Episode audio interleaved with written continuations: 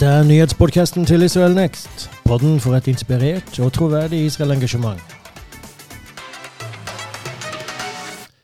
I studio sitter Roar Sørensen, og dette er Inside Out, som gir deg nyhetsperspektivene fra Israel. Og eh, denne gangen så er det faktisk sånn at vi skal eh, snakke om hovedsak, bare, bare én sak. Vi, vi har én nyhetssak, og så har vi Parashat Shavua. Eh, og det er fordi at det har eh, skjedd veldig mye i forbindelse med en spesiell sak, og det var en eh, avgjørelse som eh, Benny Gantz, Israels forsvarsminister, tok her for en drøy uke siden. Eh, faktisk en uke siden i dag, da han erklærte at seks eh, organisasjoner som eh, ligger på altså tilhører det palestinske selvstyret i det området, er kobla til terroraktiviteter.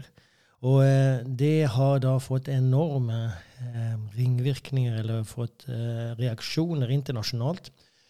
Og derfor så kommer vi til å snakke om det ganske på dypet her. Så vi går rett på sak.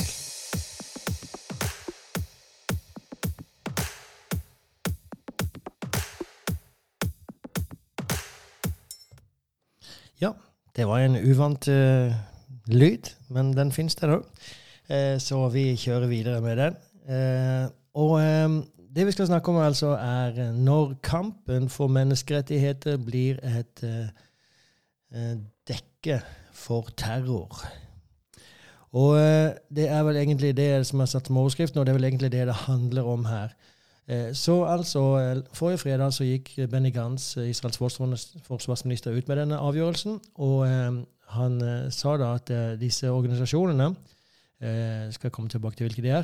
De har operert under dekke av sivilsamfunnsorganisasjoner, altså sivile organisasjoner. Men i praktis så tilhører de en arm av PFLP-organisasjonen altså en forlenget arm til uh, Palestinian Front for the Liberation of Palestine. Uh, og hensikten til den organisasjonen er å ødelegge Israel uh, mens man deltar i terroristaktiviteter, sier Benny Gantz. Så i prinsipp så erklærer han disse organisasjonene som terrororganisasjoner. Og det her er jo ikke en avgjørelse som bare tas sånn en fredag ettermiddag rett før man skal gå hjem, det, så, så, kaster man ut en sånn sak. Det her er jo noe som har gått gjennom en lang eh, rekke med instanser i israelske etterretninger. Man har jo samla på seg informasjon osv. Eh, man har eh, latt det gått gjennom de forskjellige nivåene der i eh, Israel Security Agency, som det heter på engelsk, Shabak, som det kalles på, på eh, hebraisk. Og, og, det er altså denne etterretningstjenesten som er ansvarlig for innenrikssikkerhet. Så det går gjennom en masse instanser før det kommer til eh, forsvarsministeren, og han da òg sjekker dette, og det sjekkes også overfor juridisk, eh, er dette holdbart juridisk, før avgjørelsen tas. Så bare så, så, det er sagt. Men disse organisasjonene, da, eller, eller kravet imot disse organisasjonene, det er, eh, det er ganske mange saker. Jeg skal, jeg skal først nevne hvem de er. Eh, organisasjonen er Defense for Children International Palestine. Eh, og det, det er jo, disse navnene er jo veldig fine, kan du si, og, og det er jo synd at uh, sånt uh, arbeid egentlig da skal brukes for å finansiere terror, annet. Men i alle fall, Defense for Children International Palestine er den ene. Union of Agricultural Work Committees er den andre. Al-Khak er den tredje. Eh, og De to første sier hvem som sjøl hva de er for noe, hva de holder på med. Al-Haq eh, holder på med eh, innsatte eh, men, altså De jobber egentlig på mange, mange områder, men de dekker eh, I hovedsak så dekker de brudd på menneskerettigheter i eh, Judea Samaria, det som de kaller Vestbredden. Og uh, ifølge det de sier og skriver, så dekker de brudd på menneskerettigheter fra begge sider. Og det, det finnes det jo. Man går inn på disse hjemmesider, så har de òg visse visse brudd på menneskerettigheter som gjøres av det palestinske selvstyret. Men du kan jo si, uten å, å, ha gjort en vitenskapelig undersøkelse på det, så må man vel kunne si at 90% av det som finnes på deres hjemmeside, i alle fall er eh, brudd, som, påståtte brudd som Israel da utfører. Det er Al-Haq, og det er den mest eh, anerkjente organisasjonen, og den eh, kanskje eldste, så vidt jeg forstår. Den går tilbake til 1979. Eh, deretter så har vi Adamer, eh, som eh, er en fjerde organisasjon. Vi har Union of Palestinian Women's Committees, og vi har Bisan.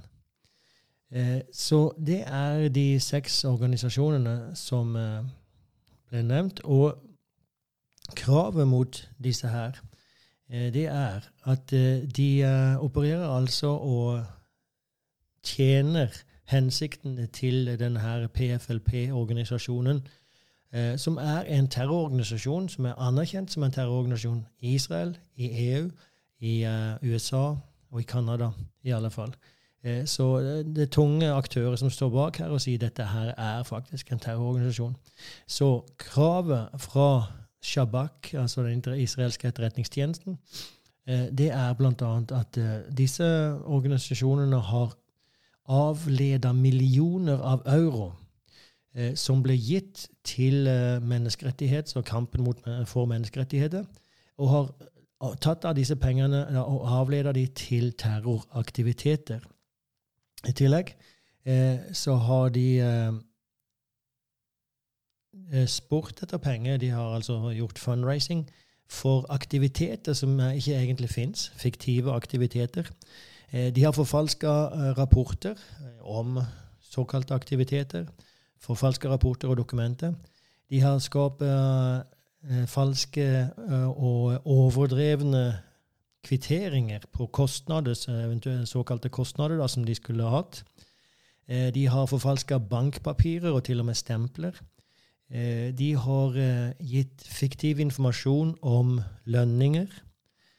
De har eh, ansatt velkjente, altså terrorister. Eh, folk som er terrorister, eh, de som har sittet i israelske fengsler for å være terrorister, og som, som er anerkjente, de som har vært med i terrorangrep og terrorrelatert virksomhet.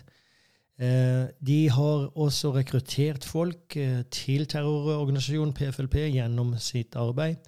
De har trena disse i terroraktiviteter.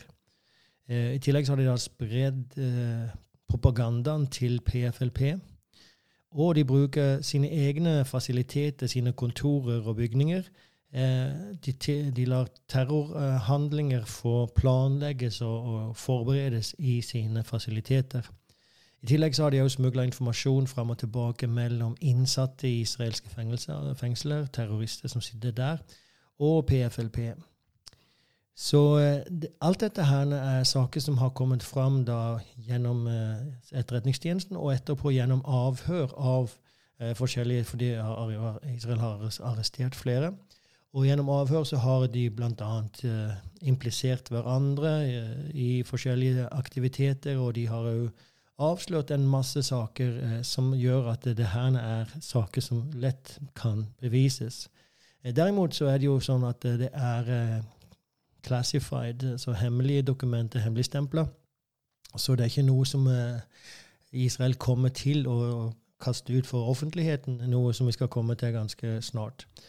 Men ifølge et intervju da, som ble gjort med en israelsk eh, etterretningsoffiser, så sier han at eh, disse seks organisasjonene tilhører en gruppe organisasjoner som koordinerer sine aktiviteter og eh, som, som, da tjener som en enhetlig front for PFLP-organisasjonen. Eh, og han sa òg at eh, faktisk så utgjør disse her organisasjonene den økonomiske livslinja til PFLP. Så hva er egentlig da PFLP for noe? Skal bare veldig kort si det. Altså Det står for Popular Front for the, for the Liberation of Palestine. Og eh, det er en marxist-leninistisk, altså en sekulær terrororganisasjon som ble etablert i 1967 av George Habash. Eh, de eh, spesialiserte seg på 70-tallet i flykapringer. Hadde en masse flykapringer. Deretter så har de vært med på all verdens tenkelige og utenkelige terrorangrep under det som kalles den andre intifadaen, men som bedre kan kalles Al-Aqsa-terrorkrigen fra 2000 til ja, 2005, så var de engasjerte seg sterkt i selvmordsbombinger og gjennomført en rad med selvmordsbombinger der titalls israelere ble drept. Um, de har òg tatt eh, ansvaret for uh, denne synagogemassakren som fant sted i 2014 i Jerusalem, da to menn med øks og kniver gikk inn i en synagoge og, og drepte fem personer. De er ansvarlige for uh, mordet på Rina Schnerb, som ble drept i 2019 og skal snart komme tilbake til henne. Det er ganske nylig. en bombe som ble lagt i veikanten, som drepte henne og eh, sånn som ble fjernavløst. Og I tillegg så er de også ansvarlig for drapet på en israelsk minister, turistminister eh, Rehavem Seevi, i 2001. Eh, på eh, hotell som faktisk ligger på Mount Scopus. Eh, PFLP anerkjenner ikke Israel. De, de uh, søker Israels ødeleggelse. De søker en enstatsløsning. Eh, og de er som sagt anerkjent som en terrorgruppe da, av bl.a. EU og USA. Og eh, det at Shabak har nå handla eh, aktivt imot PFLP, eh, det har jo forhindra ja, Man kan, vet jo ikke eksakt hvor mye, men, men masse terrorangrep. Så det her er hvem PFLP er. Og da har disse organisasjonene da linke til denne organisasjonen. Jeg skal komme tilbake litt til hva disse linkene består i. Eh, men eh, det, eh, det her med informasjonen den er jo klassifisert, altså hemmelighetsstempla.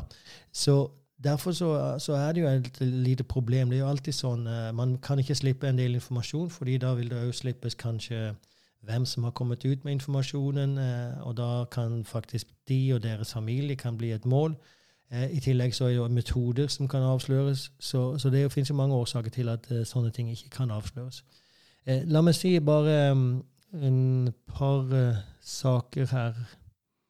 Ja, vi tar det senere.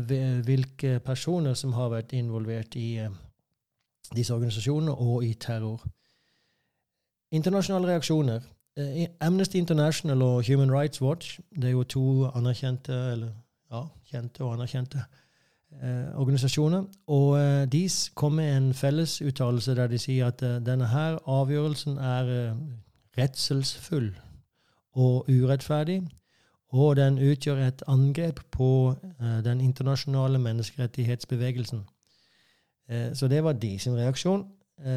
ingen form for liksom skal ikke si selvkritikk, for det er ikke akkurat de det gjelder, men uh, de samarbeider jo med flere av disse organisasjonene. Og derfor de jo kommet med en fellesuttalelse, for de samarbeider med noen av de samme. Uh, men uh, ingen form for forståelse for det her. Det er bare en fordømmelse rett ut. Betzelem er en israelsk menneskerettighetsorganisasjon, men den tilhører virkelig det ekstremt ekstreme venstresida i Israel. Det Eh, Betzelem representerer ikke veldig mange israelere, skal man kunne si. Det, vi snakker om promille, tror jeg. Eh, så i alle fall, Betzelem eh, er en israelsk organisasjon, og det er jo det som er det triste, at den blir jo veldig ofte sitert i våre medier. For, for da har man liksom en israelsk røst i gåseøyne, og kan da rettferdiggjøre israelske lovbrudd med, med israelske røster, så å si. Påståtte lovbrudd. Den sier i alle fall at uh, denne avgjørelsen er karakteristisk av et uh, totalitært regime. Den karakteriserer et totalitært regime. Ok, uh, Så kommer vi til EU. Og EU aksepterer heller ikke Israels påstander.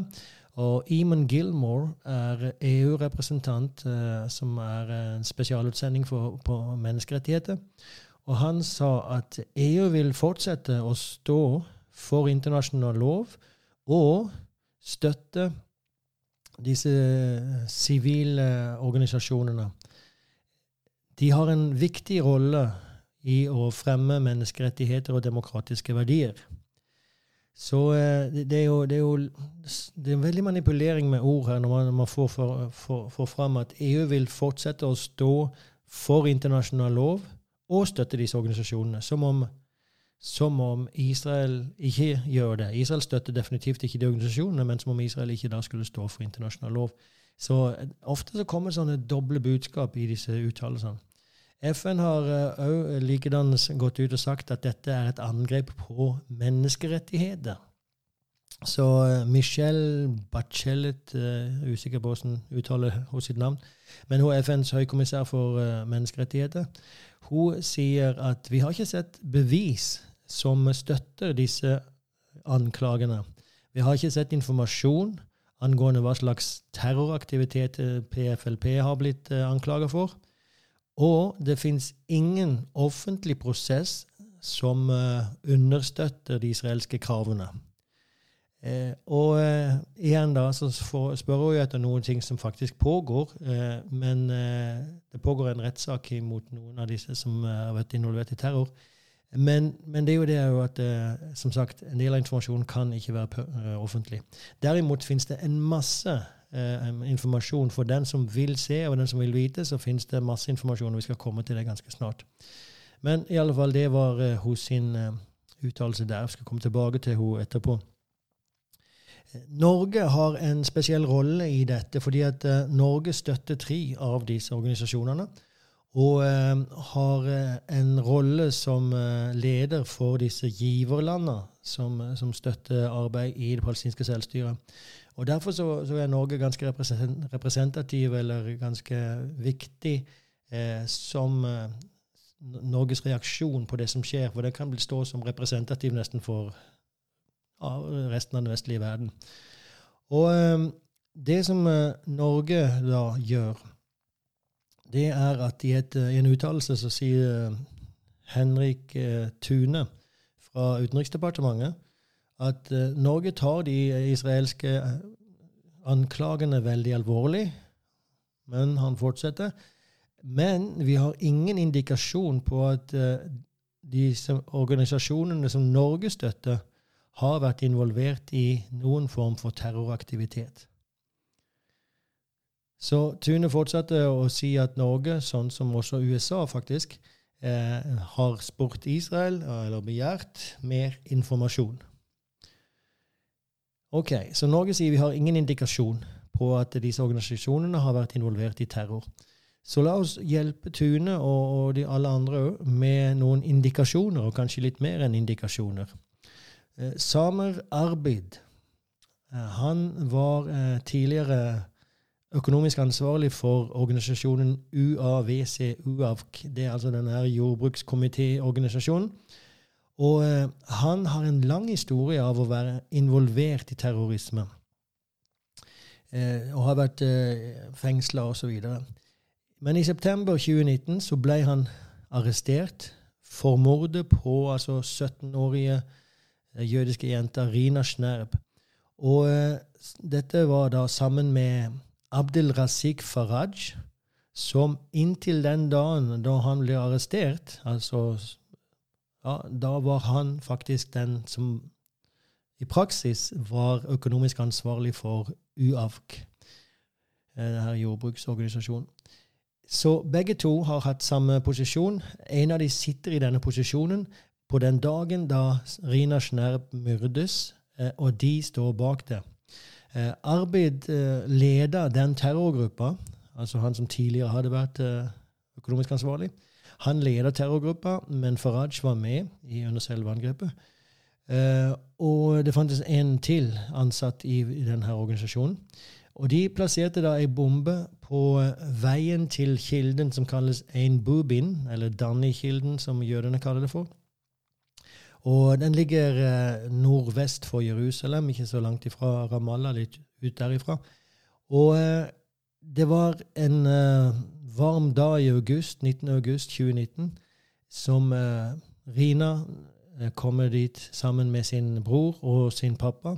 Og de parkerer bilen, og så går de på en litt smalere grusvei opp til Kilden. Og der i kanten av grusveien så har altså Faraj og Arbel, eh, Arbid lagt denne bomba, og de fjernutløser den akkurat idet de går forbi. Så Rina blir drept. Eh, pappaen eh, havner i koma. Han er, han er nå kommet seg. Eh, og, og, broren blir litt lettere skada. Men Rina Schnær blir der myrda. denne rettssaken seinere, så bare et par måneder seinere faktisk, så arresteres disse. De er tatt, eller en måned seinere så blir de tatt. Og eh, rettssaken pågår fremdeles, men beviser blir lagt fram for retten sånn at Israel har allerede ødelagt husene til disse, disse to arbeiderne i denne organisasjonen. Fordi at har, eh, retten har funnet at bevisene holder. De er faktisk skyldige for det her. Og eh, derfor så, Denne rettssaken som pågår nå, den er jo for å utmåle dommen. Så bare for å si, altså her har vi veldig tydelige connection. Ikke mer enn en indikasjon, skulle man kunne si. PFLP eh, kom ut med en uh, uttalelse uh, som innrømmer denne her forbindelsen mellom de to terroristene og den organisasjonen.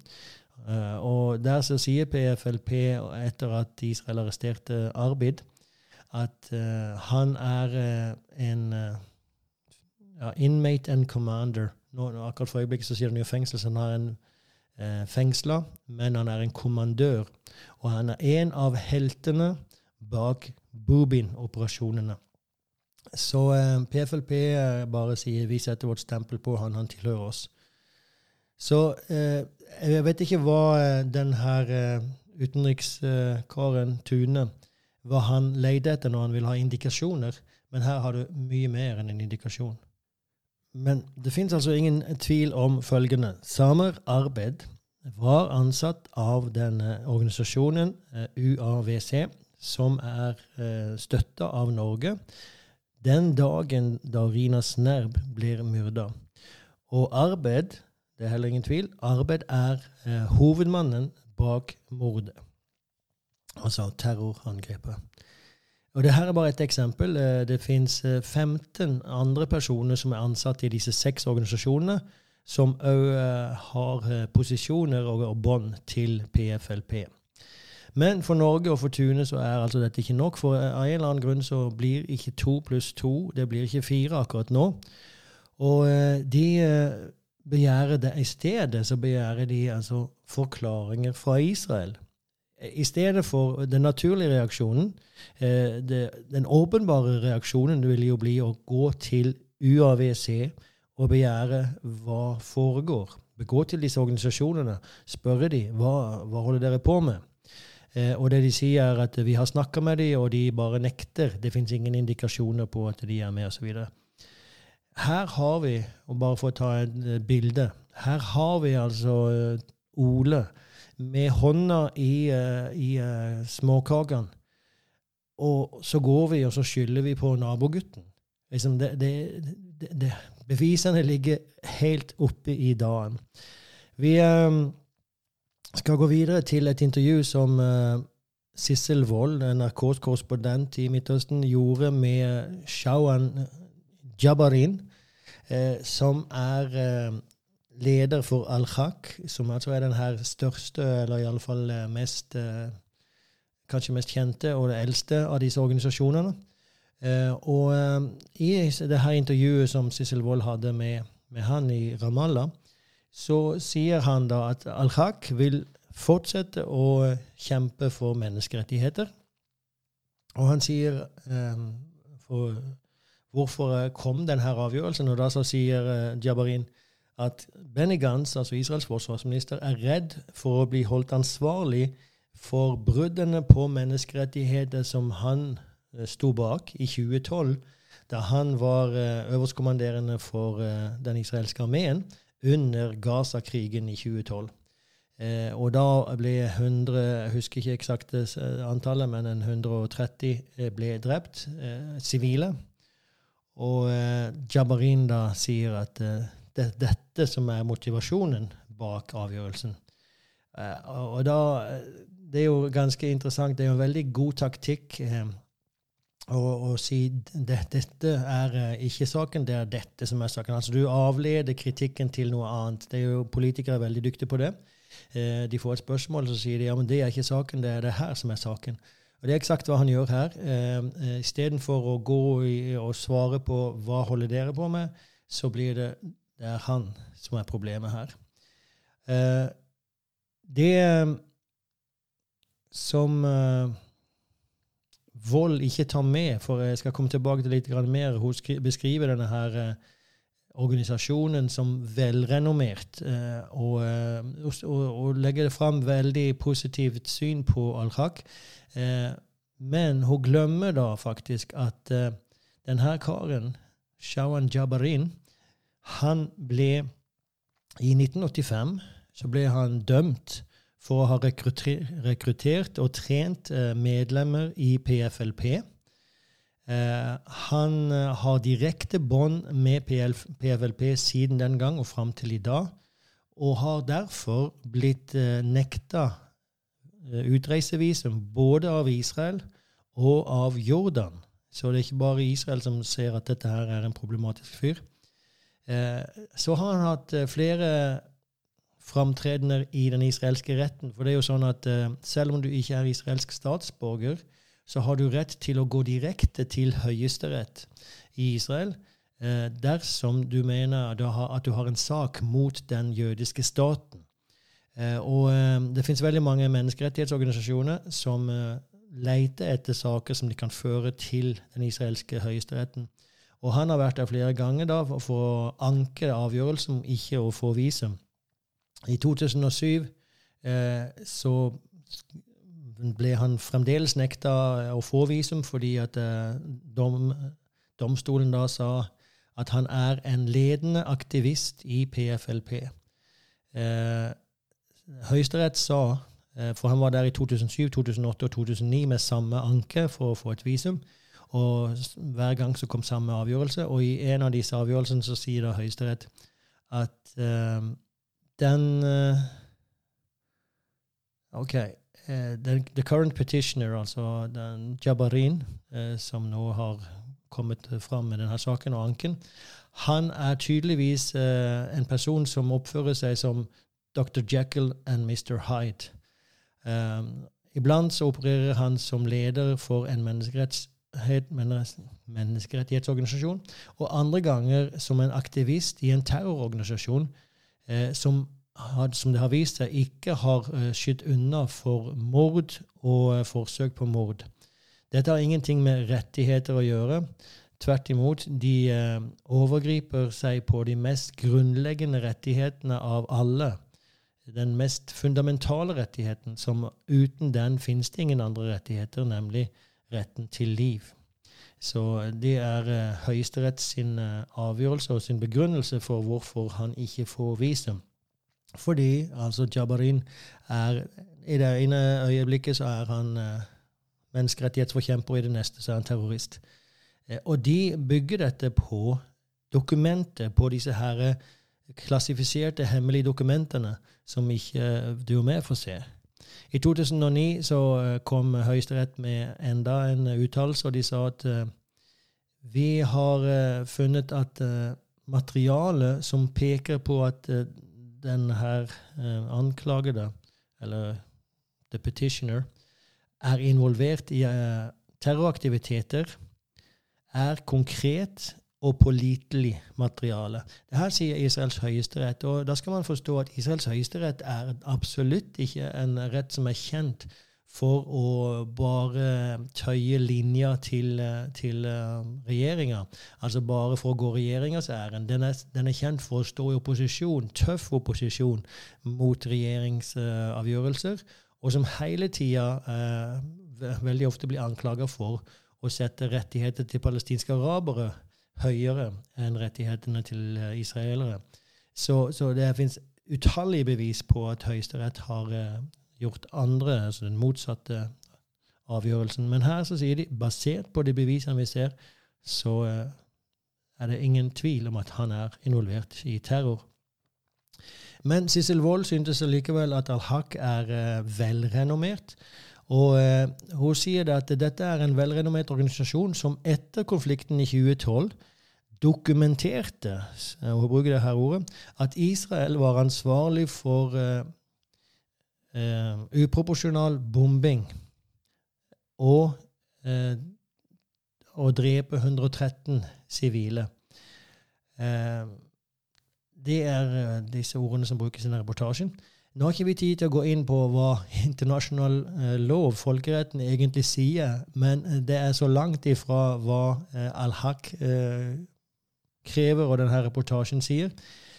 Bare en liten bemerkning det er at det at sivile dør i en krig, det er ikke nødvendigvis et lovbrudd. Det er definitivt en tragedie, men det er ikke dermed sagt at det er et lovbrudd. Og det um, i, i, Når det gjelder akkurat uh, konfliktene i Gaza, alle, alle, disse konfliktene som har vært, så, så, må man kunne si at faktisk hver eneste uh, død av en sivil i Gaza er et lovbrudd. At det er et brudd på folkeretten. Men det er ikke Israel som bryter folkeretten. Det er faktisk Hamas som bruker de sivile som levende skjold. Så uh, igjen da, så burde man kikke en annen vei. Men i alle fall, det som, eh, Når hun bruker disse ordene, eller Al-Haq eh, og Sissel Wold i denne dokumentar, eller denne intervjuet, bruker og hun signerer under på det, at det er dokumentert av en velrenommert organisasjon. Når hun derimot snakker om eller Vent litt. Da bruker hun jo det for å si at det her er en organisasjon som vi kan stole på. Den er troverdig. Altså Hun legger jo opp ei ramme rundt intervjuet. Uh, og uh, med hjelp av disse ordene her, så skaper hun troverdighet for al-Haq. Når hun derimot refererer til Gans og Israel, så fins det ingen bruk av disse ordene velrenommert. Det fins ingen superlativ i det hele tatt. Eh, tvert imot, når hun snakker om Gans, så er det bare ordet 'hevder'. Gans hevder at disse organisasjonene er involvert i terror. Men al-Haq de dokumenterer. Så Israel hevder, men al-Haq dokumenterer. Det fins så mye subtilt, altså eh, underbudskap i disse reportasjene at det er, og Iblant så er det jo veldig åpenbart og tydelig òg, men i tillegg sånne bruk av ord er, sier veldig mye om hvor eh, vold kommer ifra hvilken eh, motivasjon som styrer disse rapportene. Så eh, vold eh, utelater jo da fullstendig at Gans ikke bare hevder, men at han faktisk bygger dette på dokumenter. Det er dokumentert, disse, eh, denne involvementet, engasjementet i eh, terror. Så eh, det, det, er synd at eh, vold faktisk misleder lytterne, og faktisk indirekte så bygger hun opp om støtte, altså gir legitimitet til bruk av terror med den måten som hun eh, framstiller dette på. Så eh, det, det, er en tragisk eh, sak. Um,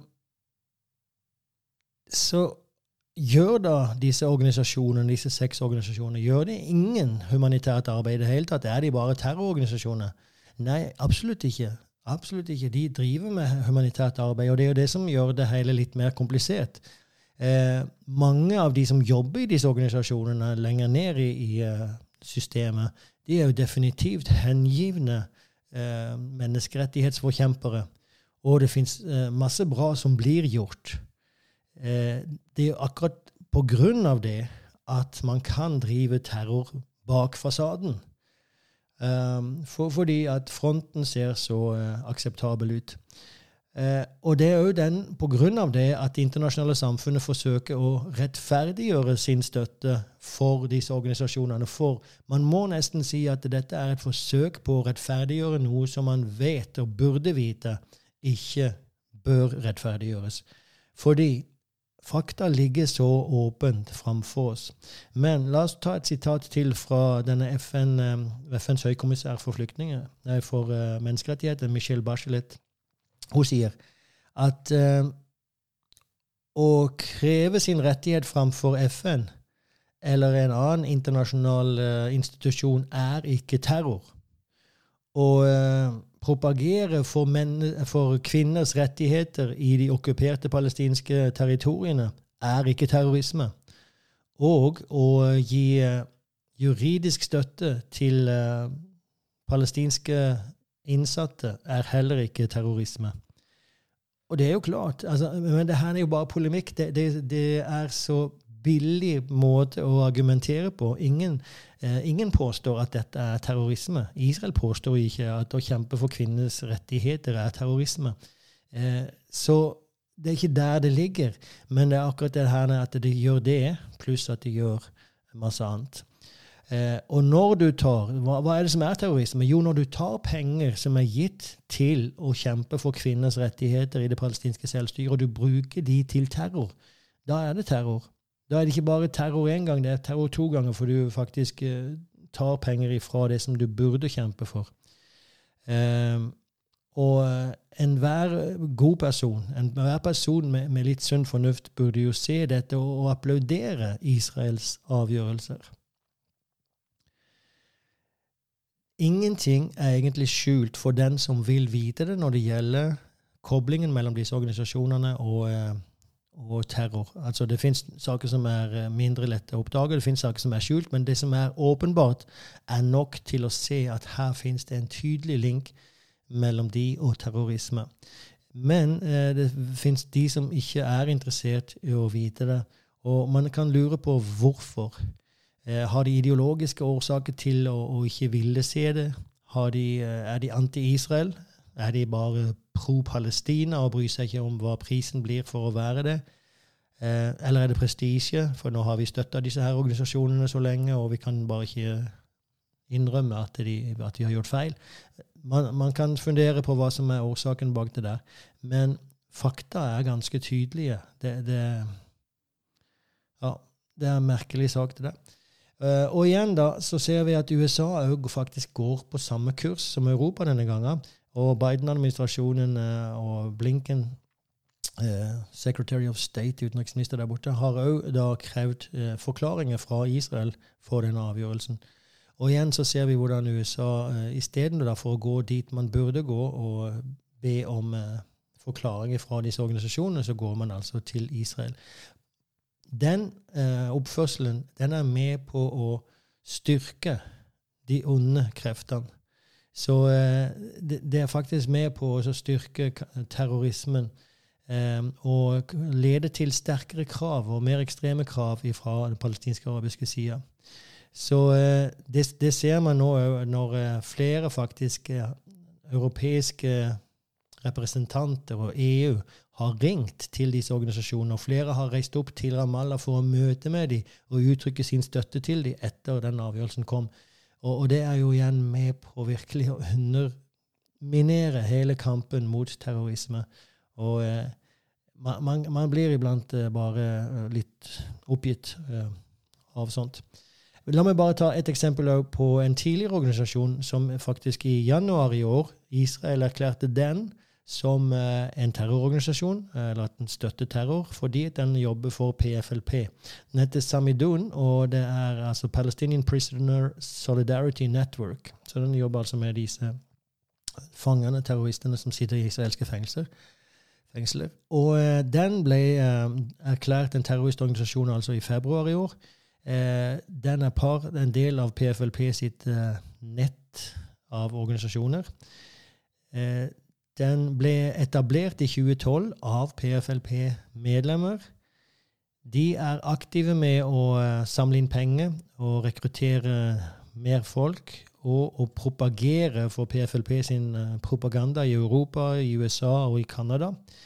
Og under et uh, rally, altså en demonstrasjon i Ottawa i september i 2021, altså bare en måned siden, så, så, skal jeg bare si noen av de sakene som ble uttalt der. Og jeg tar det på engelsk, for den, der var det på engelsk, og, og det fungerer bedre der. Eh, så Millions of martyrs are marching to Jerusalem. Det var et av de sine slogan. Bring us back to 48. Hva betyr det? Jo, før oss tilbake til 48, altså før Israel eksisterte. Det, det er en del av sin agenda, å bli kvitt Israel. We will free Palestine from the river to the sea. Igjen, det blir ingen plass for Israel. Fra Jordanelva til Middelhavet så er det Palestine for de. There is only one solution. Intifada revolution. Igjen støtte til terrorrevolusjon. We don't want two states. Bring us back to 48. Palestine is Arab.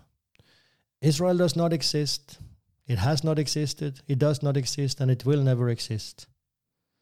There is only Palestine. Zionism is terrorism. Alt det her eh, var altså slogans og saker som ble eh, ropt ut på denne demonstrasjonen. Um, da, som denne Samidon-bevegelsen eh, eller organisasjonen organiserte. Eh, en, eh, det vil si en eh, kar som er med i den organisasjonen. Da har vi litt av nivået på disse organisasjonene som vi prater om, og vi har allerede sett det direkte engasjement i terror. Det er jo sånn at det er alltid lett å akseptere det du vil høre, men det er merkelig med hvor stor letthet internasjonale politikere og journalister aksepterer det som sies fra palestinsk-arabisk side, mens man konsekvent stiller spørsmålstegn med det Israel sier. Betzelem de sa altså at uh, dette ligner totalitære regimer. Da skal de vite det at uh, det fins faktisk et totalitært regime i denne konflikten, men det er ikke Israel. Og man bør faktisk peke fingre der de hører hjemme. Det at politikere, akademikere og media ofte havner feil i forhold til Israel, er ikke noe nytt. Men iblant så går det så langt at det blir vanskelig å forstå åssen de kan overbevise seg sjøl om det budskapet de fører fram. Og enda mindre overbevise andre. Men det lykkes de faktisk å gjøre, og resultatet er katastrofalt ettersom de vender opp ned på de mest grunnleggende, de mest nødvendige prinsippene, sånn som sannhet og troverdighet. Man skulle jo tro at faktiske hendelser som bevises ut ifra solide fakta, skulle lede til altså en, en, enhetlig forståelse av hva som har skjedd. Det er jo det som Israel legger fram. De legger fram bevis på forskjellige saker og ting som har hendt. Og det fins eh, åpenbart eh, Man behøver ikke legge det fram, man kan bare google litt, så finner man det. Men det leder faktisk ikke fram til en enhetlig forståelse av det som har skjedd.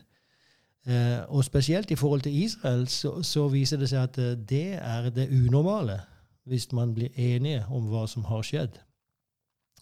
Så valget foran oss, det er ikke israelere eller palestinske arabere. Valget er heller ikke Israel eller menneskerettigheter, sånn som mange vil ha oss til å tro. Det er heller tvert imot. Men valget er sannhet, ærlighet og logikk kontra løgn, bedrag og hat. Det er egentlig valget som står framfor oss. Vil vi la sannheten og ærlighet og logikken få, få tale, eller er det ok at det blir løgn, bedrag og hatet som bestemmer? Hvis vi lar fakta bestemme, og da mener alle fakta, altså hele bildet, eh, og hvis vi da velger sånn som en god person vil gjøre, en normal person vil gjøre, da ender vi oss opp da ender vi opp med å stille oss bak den israelske avgjørelsen. Det er jeg helt overbevist om. Da ender vi òg eh, opp med å stille oss på menneskerettighetenes side, for det er Israel som representerer menneskerettighetene. Og faktisk, da ender vi òg opp med å stille oss med de palestinske araberne. For da vil penger gå dit de skal gå, og ikke til terror. Eh, Israel er den som står for menneskerettigheter i hele den regionen. Og eh, det å svekke Israel, det er å svekke kampen mot menneskerettigheter. Så alle vil tjene på en sånn avgjørelse som Israel har tatt nå. Eh, akkurat som alle vil tape hvis vi tar parti for hat og terror. Og det gjelder selv om denne hat og, terror, hat og terror skjuler seg bak kampen for menneskerettigheter. Så det var egentlig det jeg hadde å si om den saken, og det ble veldig lenge. Men eh, det, det er noen ting som er bare så utrolig eh, vanskelig å akseptere. At man i stedet for å peke fingre på de som faktisk er eh, anklaga for terror, og, og, der det faktisk ligger ganske så opp i dagen, så peker man fingre på budbæreren. Um, ja, that's it. Parashat Shavua. Da vi får forsøke å veksle gir her. Eh, og da kommer vi til eh, en parasha som heter Chayesh Sara. Chayesh Sara. Eh, og det, altså Saras liv betyr det. Og vi snakker om første Mosebok 23.1 til 25.18. Sammendrag. Eh, Sara dør. Abraham kjøper Makpela-grotten som eh, gravplass. Deretter sender Abraham sin tjener til Mesopotamia. Og vi tror jo alle at det er Elieser, men det står faktisk ikke navn på han. Eh, for å finne ei kone til Isak. Og Elieser kommer da til Med sine kameler og sånt kommer han til en brønn der Rebekka eh, tilbyr han å gi vann til kamelene. Eh, og med det så passerer hun Elieser sin test. Deretter så er Elieser invitert til å bli eh, hos familien der. Eh, og Laban, broren til Rebekka, kommer springende ut for å møte Elieser. Eh, og han ser faktisk en økonomisk mulighet her. Elieser forteller hvorfor han har kommet. Og Rebekkas far Betuel og Laban de går med på å gi henne som kone til Isak. Deretter så får uh, Elieser han gir gavene fra Abraham til familien, og dagen etterpå så drar de tilbake. Uh, deretter så har vi Isak som gifter seg med Rebekka. Abraham gifter seg på nytt etter at Sara har dødd, med Ketura, og de får en masse barn. Uh, men til slutt da så er det jo Isak som blir hans arving, etterfølger. Og de andre barna sender han til landene i øst. Abraham dør, blir begravd av Isak og Ishmael i Makpela. Og deretter så har vi eh, etterlista til eh, Ishmael, slektslista, og vi har slektslista til Isak. Rebekka blir eh, deretter gravid med tvillinger. Og Gud sier da at det fins to folk som kjemper inni henne, og den eldre skal tjene den yngre. Og deretter så blir Esau og Jakob født, og Rebekka elsker Jakob, og Isak elsker Esau mer. Så det er sammendraget.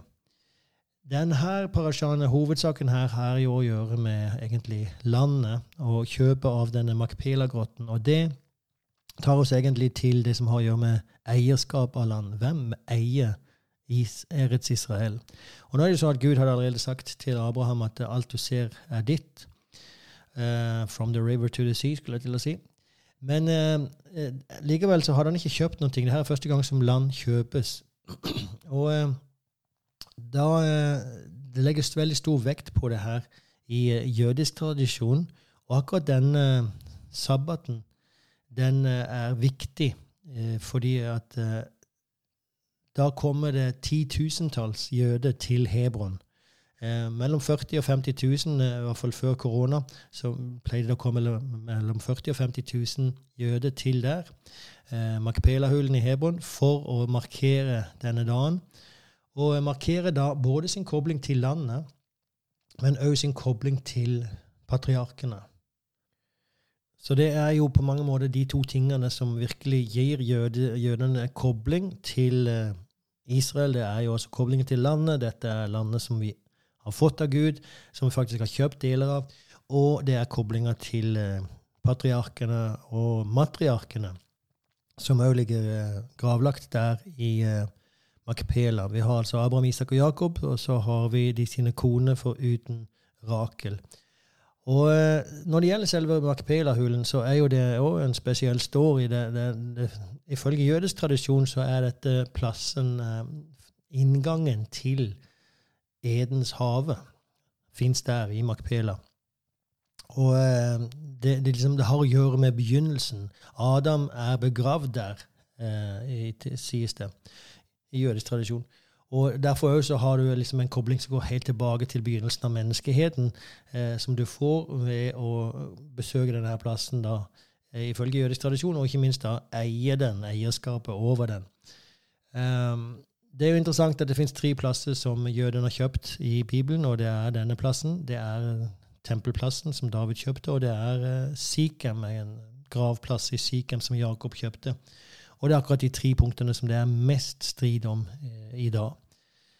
Eh, det finnes en kar som heter Noam Arnon. Han er eh, doktor, eh, altså doktor i, eh, universitetsforstand, humanities.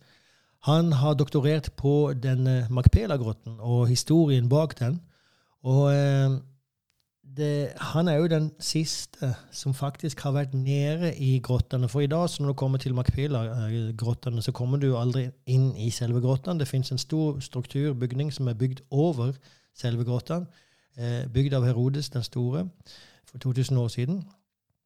Og eh, det, man har ikke vært nede der uh, i moderne tid. Uh, foruten noen få ekspedisjoner, hvis man kan, kan, kalle det det, som har vært nede der 20-30-tallet, rett etter seksdagerskrigen og på 80-tallet, om jeg husker rett. Og Noah Marnon var den siste som var der nede, og som kanskje gikk lengst. Og faktisk oppdaget at Makpela, som navnet betyr, Marpela, har å gjøre med dobbelt. Det fins to grotter der nede. Det fins en grotte inne i en grotte. Eh, så han var der nede, og de, de fant saker som datertes tilbake til eh, første tempels tid. Men man hadde begrensa med tid fordi det er utrolig sensitivt eh, å gå ned der. Nå er det forbudt. Inngangen, eller nedgangen til selve grottene er inne i den delen av Makpela-strukturen som i dag er en moské. Og den er låst og forsegla. Så man kan egentlig ikke gå ned der.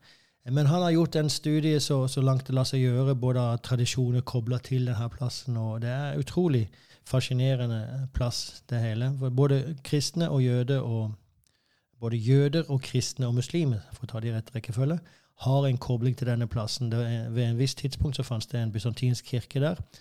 Og um, Noah Maranon sa faktisk på et intervju på radio i dag at uh, det var under bysantinsk tid så sto jøder og kristne og ba samtidig inne i denne her strukturen. Så um, det, det, var ikke bare fiendskap på den tida. OK, det var egentlig litt om, uh, om den plassen og om den grotta. Det, det skal, har et par uh, sånne små saker ellers ifra, fra denne uh, parasjaen, og det er egentlig å dø full of years, uh, som det står på engelsk. altså Det står om Abraham at han døde, han var full of years. years. Uh, hebraisk ord er savea, og kan man, man, kan si uh, man er tilfreds. og savea er det hva man gjør når man har spist. Så blir man til slutt fornøyd. Savea. Og det er en sak som, som en kommentator hørte på, sa at det, det, er eh, et tegn på at du har brukt den tida som du har fått, på en bra måte. I dag så finnes uttrykket at vi skal slå i hjel litt tid. Jeg skal bare slå i hjel litt tid her borte. Jeg skal bare jeg må sløse litt tid, og så videre. Ja, du holder på. Det der var ikke et begrep som, eh, som man eh, et bibelsk begrep, kan du si. Her så fyller du årene med mening. Og det er jo noe å leve opp til. En annen sak er eh, hva er det å løpe etter noen ting? For eh, når eh, Abrahams tjener, om vi skal kalle han Elieser, når han kommer til disse brønnene, så, så um, står det at Rebekka løper for å gi vann til uh, han og kamelene. Uh, og rett etterpå så ser vi at Laban løper ut for å møte denne mannen som har kommet, og som har gitt så fantastiske gaver. Men hva er årsaken til at de løper for noe? Det er ganske to forskjellige. Uh, Rebekka løper for å betjene, mens Laban løper for han ser en økonomisk mulighet. Og uh, Ordet 'løpe' på hebraisk er 'rats'. Og uh, det er samme rot som i ordet 'ratson', som har å gjøre med, med vilje eller ønske. Det er mitt ønske, 'desire', ratson. Uh, og så, så, en kommentator da kobler disse to at uh, det, når du løper etter noe, så, så, løper du etter det som du begjærer, det som du eh, vil ha. det får deg til å løpe.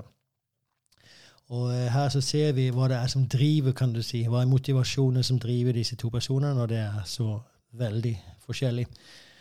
Um, så det var vel egentlig to små visdomsord der. Eh, før vi går til avslutning. Og eh, da gjør vi det som på vanlig måte med å utlyse velsignelsen over Israel. Og eh, bare igjen oppmuntre deg til å være med hvis du vil, og støtte arbeidet. Det ser vi med glede på. Du kan støtte oss. folk står klar, du kan støtte oss med å be. Det behøver vi definitivt. Og du kan jo støtte oss ved å gi gaver til vår Vipps-konto, så du finner oss på Israel Next.